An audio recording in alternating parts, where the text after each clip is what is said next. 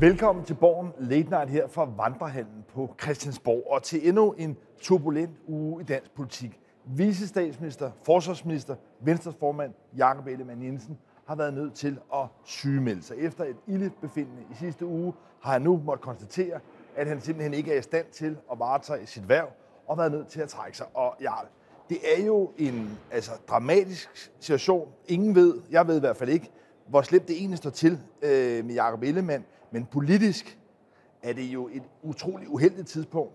Venstre er kommet lidt skævt, lidt svagt ind i den her regeringssamarbejde, og nu trækker han sig. Hvad sker der? Jamen altså, som jeg kan forstå, øh, så var han jo til møde med statsministeren øh, over i statsministeriet lige, ved, lige herovre til højre for os øh, i sidste uge. Øh, jeg tror, det var i onsdags. Og, og, og får simpelthen ildbefind, når ambulancen kommer og henter ham osv. Og og det er jo et signal fra kroppen, øh, sådan er det også blevet taget ned af, af Ellemann, om at øh, han skal lige øh, slappe lidt af, og, og der er vel også øh, folk, der har kigget på hans øh, tilværelse de sidste øh, mange måneder, måske vil sige år, at han har haft travlt. Øh, han er måske øh, stresset, øh, og det ved vi jo lidt af en folkesygdom, øh, og det er det også herinde på Christiansborg. Han er bestemt ikke den eneste øh, minister eller toppolitiker, der er gået ned med flaget, øh, og det skyller imod ham med sympatitilkendegivelser. Øh, også fra Inger Støjberg, lader jeg mærke til, som jo ellers har været øh, ofte efter ham. Det her det er sådan en situation, hvor Christiansborg rykker sammen om en kollega. Øh, men øh, det ændrer jo bare ikke ved, at øh, han, er, øh, han er simpelthen sat udenfor i, i det, de siger uger. De hæfter sig ikke, øh, de siger, det er ubestemt tid, og så siger de uger. Det vil sige, det er så ikke måneder, øh, og slet ikke år selvfølgelig, øh, men det er klart, at han har selvfølgelig øh, konsulteret en læge, øh, og der er blevet lavet nogle undersøgelser på ham.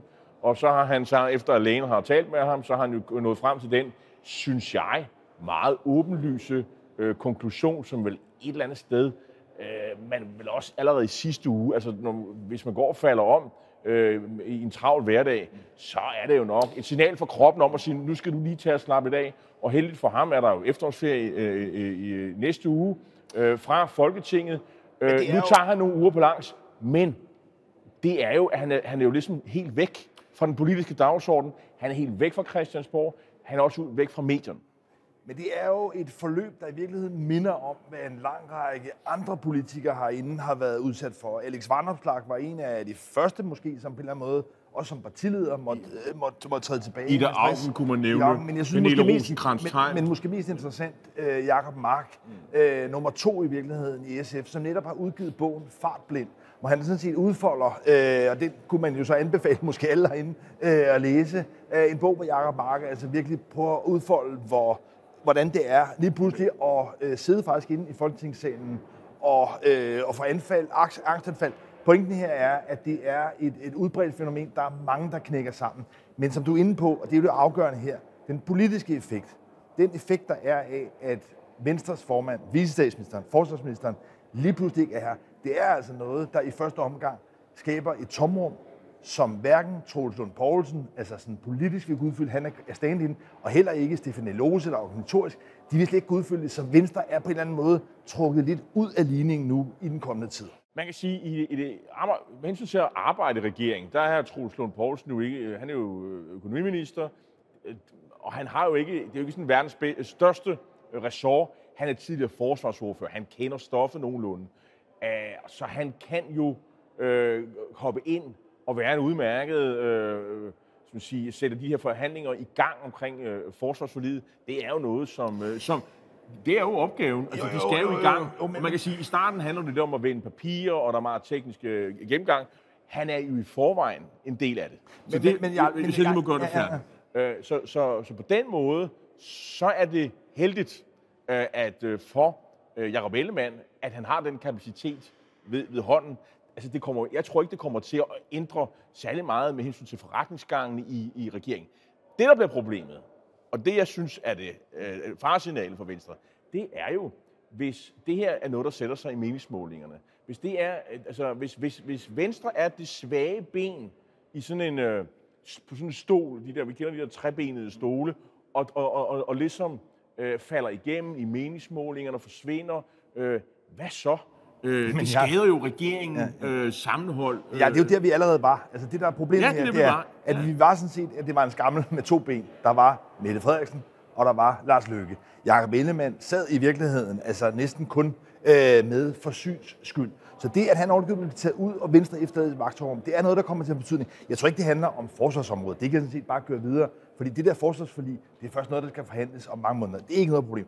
Forsvarsministeriet kunne bare køres videre af departementchefen. Nej, der hvor problemet er, det er i regeringsledelsen. Det er i koordinationsudvalget. Regeringen står over for nogle svære slag, ikke mindst i hele den her ballade omkring Stor Bededag, som i virkelig skal skaffe pengene til det senere forsvarsforlig. Men pointen her er, at altså, man står over for nogle dramatiske beslutninger, nogle beslutninger, som kræver, kan man sige, tæt koordination mellem partierne. Og i det spil, ja, der vil Venstre på en eller anden måde slet ikke komme til at spille en rolle. Men de er jo enige. De har jo så forhandlet, hvad, hvad, det der skulle være øh, på plads, det, det skete jo, i, eller, øh, da man lavede regeringsforhandlingerne. Så det, jeg, jeg deler ikke rigtig din øh, bekymring på det område. Og de har en mand, som i forvejen er inde i, øh, i stort set alle beslutningerne. Øh, det er jo ham, man går til, hvis man vil have ændret noget politik. Øh, man spiller lidt en anden rolle. Så heldigt for ham. Så er der dem, der siger, at det er et katastrofalt tidspunkt. Ja, øh, der er jo nok aldrig noget godt tidspunkt, hvor man øh, øh, altså falder sammen, og ens krop øh, øh, øh, siger stop, øh, når man er partileder på det her niveau. Det er helt enig i.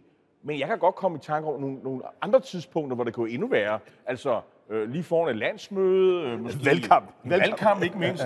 Altså, vi er meget tidligt i perioden. Det, det, det der er opgaven for Ellemann, som det har været for mange af de andre partiledere, du har nævnt, eller folk, der er i toppolitik, det er jo at finde en arbejdsrytme, som man øh, ligesom ikke brænder alt krudtet af, og, og hvor man ligesom øh, øh, sørger for, at, at, man... Øh, at man også skal passe sit arbejde øh, og ikke knokler alt for hårdt. Men, øh, og det skal han jo så finde ud af med sig selv, hvordan det kommer til at køre. Men jeg, jeg synes, du har en god pointe med, at Troels Poulsen, kan man sige, er en, en god stand-in, en stor, god vikar for Jacob Ellemann. Han er heller ikke en trussel, Han forstår på den måde, at man kan sige, at Socialdemokraterne under det forløb, der har været omkring tilblivelsen af den her regering, der har det i høj grad været netop Troels Poulsen, der har været forbindelsesofficer. Det er ham, der i virkeligheden har etableret den personlige kontakt med en lang af Socialdemokraterne. Så der er ikke nogen tvivl om, kan man sige, at tilliden, den personlige, dit personlige bånd, går i høj grad gennem ham. Så, så det spiller en rolle. Og der er også en anden ting, der er vigtig. Det er altså, øh, meget af kritikken øh, på, mod Ellemann går jo på hans øh, politiske kompas. Altså er han rigtig venstremand? Hvad, hvad, men, hvad skal Venstre mene?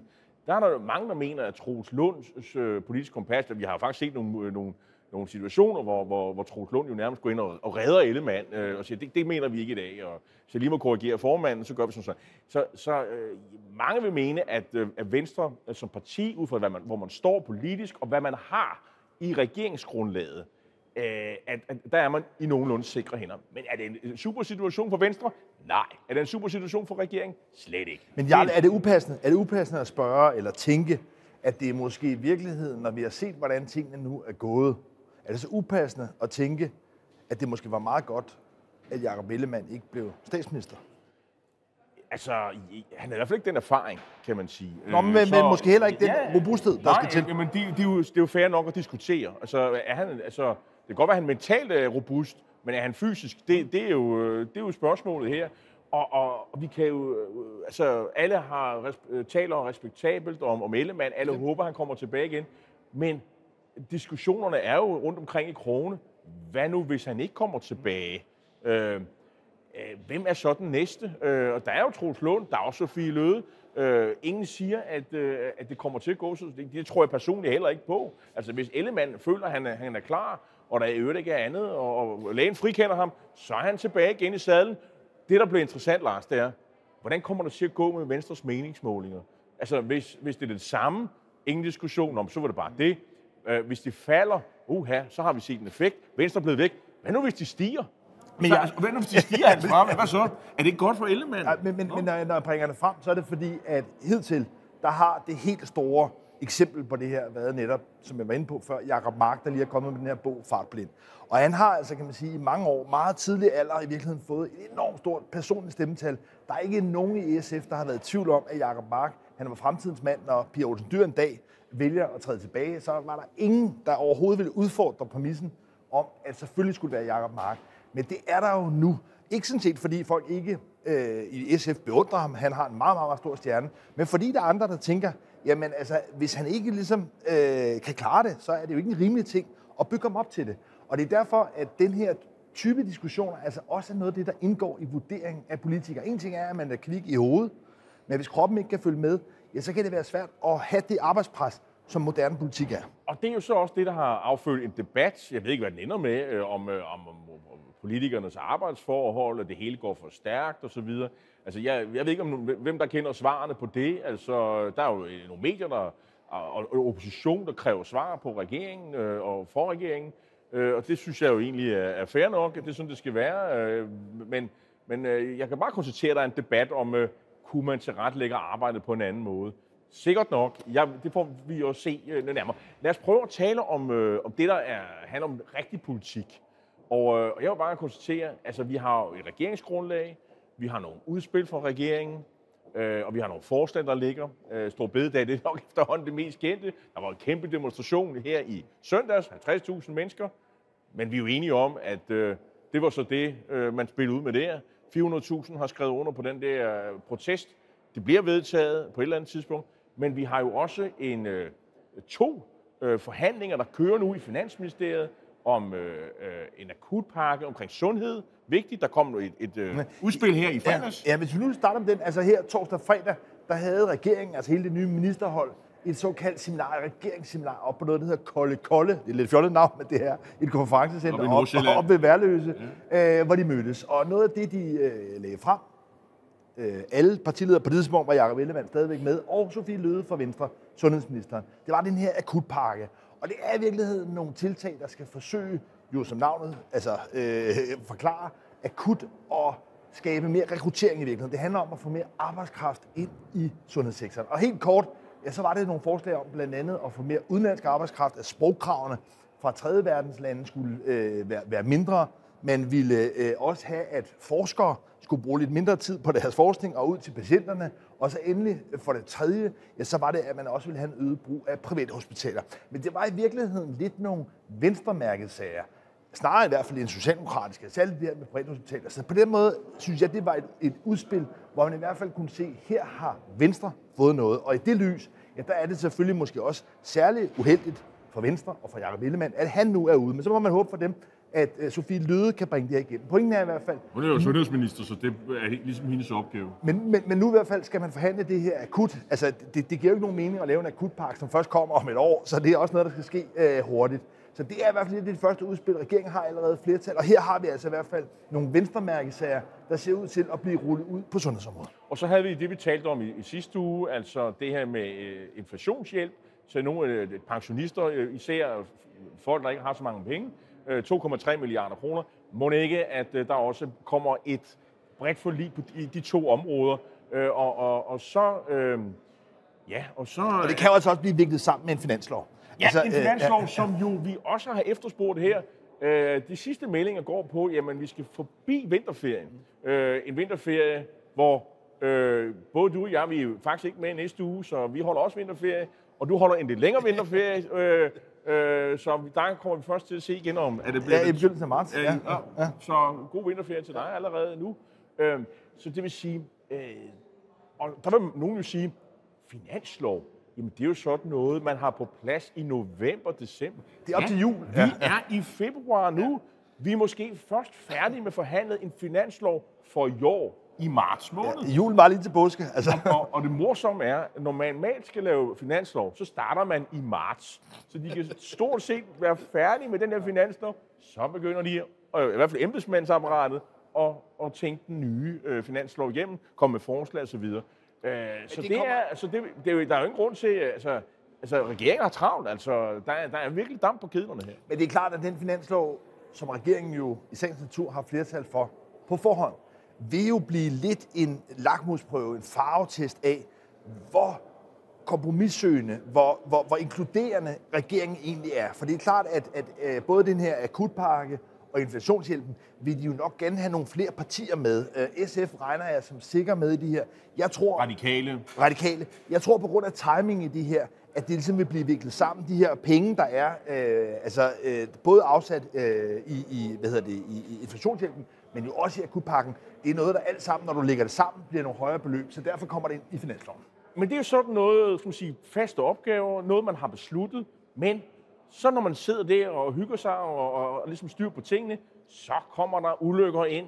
Øh, fordi øh, her i, øh, var det i går, der var i dag, øh, så er den, den nye øh, øh, øh energiminister, han, han må pludselig helt op på bremsen og sige, at alle de der projekter, vindmølleprojekter, havvindmølleprojekter, som man har i gang øh, ude på havet, og hvor der folk står i kø, altså ikke folk men altså øh, investorer står i kø for, for at, at, at finansiere de her projekter, og det var altså nogen, der var 5-10 og, øh, og år lang øh, i fremtiden, jamen dem har han simpelthen sat på hold, fordi regeringens jurister er pludselig kommet i tvivl om, hvorvidt at den måde, man ligesom øh, organiserer det på, øh, det er sådan noget, der hedder åben udbud, hvor man siger, her er et stykke øh, grund, grundet havområde, øh, og så kan I jo bare begynde at bygge nogle, nogle, nogle vind, vindmøller. Kan man gøre det på den måde?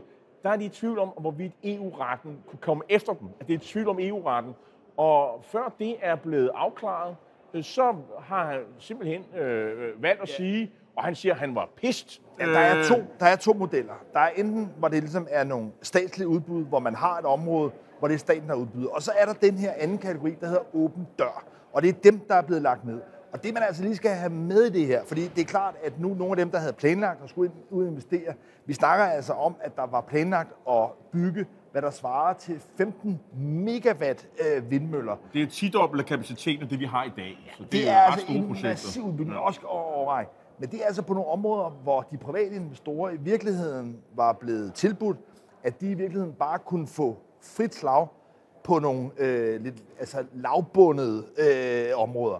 Og, og når det ikke er helt så enkelt, så er det jo fordi, at når vi taler om Nordsøen, så hvis man lige husker nogle af de debatter, der efterfølgende har været, for eksempel om koncessionerne med udvinding af olie og gas, så er det jo altså ikke noget sådan altså helt ligegyldigt spørgsmål. Hvem er det egentlig, der ejer de her områder? Hvem er det, der kommer til at tjene pengene? Hvad er forretningsmodellerne? For jeg tror nok, hvis man i sin tid bare havde sagt, jamen dem, der vil suge noget olie og gas op med Nordsøen, det gør I bare frit. I kan bare øh, suge i gang. Ej, men det er jo noget, altså, vi kan bare kigge på Norge, som altså stadigvæk skovler penge ind. Så det er jo ikke noget sådan helt trivielt spørgsmål om, hvordan rammerne er for det her. Men det her, det her er jo bare en øh, pind i hjulet på det, vi kalder den grønne omstilling osv. Altså, i hvert fald forløbig. Altså, og øh, det er ikke nogen... Det er et vilkår, kan man sige, ved den risikovurdering. Altså, man skal jo finde nogle områder, hvor man har lov til at sætte øh, vindmøllerne op. Og det her er jo en, en, en kendt risiko, der for så vidt har været ved, at, at, at alt det her juridiske falder på plads. Men det er klart, at... Men du kan jo se Dansk Energi, du kan se øh, øh, øh, vindmølleorganisationen Christian Jensen, der, mm. hvad hedder det, Wind Power? Hvad, Wind hvad Power Danmark. Wind Power Danmark, der har sådan nogle flotte navne. Øh, alle er helt oppe at køre. Ja, det var fordi, og, og de, de, det var fordi, de var tilbudt, sådan set, at der ikke skulle være noget regulering, at der var den her åben dør, hvor man havde en let adgang, hurtig sagsbehandling, og så var der ellers frit slag. Og jeg siger bare, jeg forstår godt, for det er noget, der konkret vil forsinke nogle projekter. Men, men, men hvis man lige tænker igennem, at den værdi, der kan ligge i mange af de her vindmølleprojekter, er altså noget, der kan svares, der kan sammenlignes med de indtægter, der har været for olie og gas tidligere. Og forestillingen om, at der ikke skulle have været nogen regulering, at man ikke skulle have været enige om rammerne for udvikling af olie og gas, forekommer mig i dag til at være en anelse naivt og tosset. Ikke desto mindre, det er et område, hvor, hvor regeringen skal til at for, forklare sig, og, øh, og, øh, og der kommer altså til at gå noget tid, før det her er blevet afklaret. Men, øh, men altså politisk er det også svært at, at, at angribe regeringen, fordi, øh, fordi selvfølgelig skal der være styr på det her af, og afklaring. Heller være, som sige, øh, i rettidig omhu og få styr på de her ting. Ja, og den nye minister, energi- og klimaminister, Lars Ågaard, ja, han kommer sådan set fra den stilling, som Christian Jensen nu har fået. Så hvis der er nogen, der kender det her område, og kender til de både juridiske og økonomiske vanskeligheder, der er i det her, og gerne ville have det faret væk, så er det Lars Ågaard. Så jeg tror, at man kan være ret sikker på, at den minister, der sidder på området nu, at han er meget, meget dedikeret på at få ryddet de her øh, EU-forviklinger Men det er jo juristernes arbejde, det har jeg indtryk. Det er, det er mere jo, øh, jura end politik. Er, er det ikke... Øh, jo, jo, jo, bestemt. Og, og, og der kan man sige, altså, der er der jo bare forskel. Jeg forstår godt, at blandt andet Enhedslisten og andre, jeg så også øh, Søren Pape Poulsen, den konservative formand, her i spørgetimen, som er i gang hernede, han var også ude og udfordre øh, Mette Frederiksen. Jeg forstår godt, at oppositionspartierne tæver løs på regeringen, fordi de har sagt, at nu vil de udbygge vindmøller. Så kommer der så det her forviklinger, der gør, at det ikke kan ske. Så angriber man regeringen. Men det er nogle gange sådan, at den jura, de regler, der er, bliver en regering, bliver embedsværket jo nødt til at overholde og sikre, altså Energistyrelsen bliver nødt til at være sikker på, at, øh, at, at, at, øh, at der er lovhjemmel, om man så må sige, før man begynder at opsætte vindmøller. Øh, som du allerede nævnte, så er det jo faktisk første gang, der er den her udvidede øh, spørgetime statsministeren, og det var så i dag. Der var jo så fravær af enhedslistens øh, øh, Maja Villadsen, som var, hun var taget på vinterferie. Og øh, så hun var ikke med i dag. Øh, så har vi så øh, nye borgerliges øh, i hvert fald fungerende formand, Pernille Vermund. Hun går jo nok af her i, øh, i aften, øh, hvor at, øh, alt tyder på, at det bliver Lars Borg Mathisen, som bliver formand, og så er der kampvalg om næstformandsposten. Det, det er også meget, meget spændende. Det får næppe den helt store øh, betydning. Øh, men der har også været nogle andre, og, altså vi følte også lidt med i, om, hvordan, om, nu, om, om de der grupper, der nu er, og alle de der løsgænger, hvad sker der med det? Og der var godt nyt til, til hvad hedder det, Dansk Folkeparti øh, her i, i går.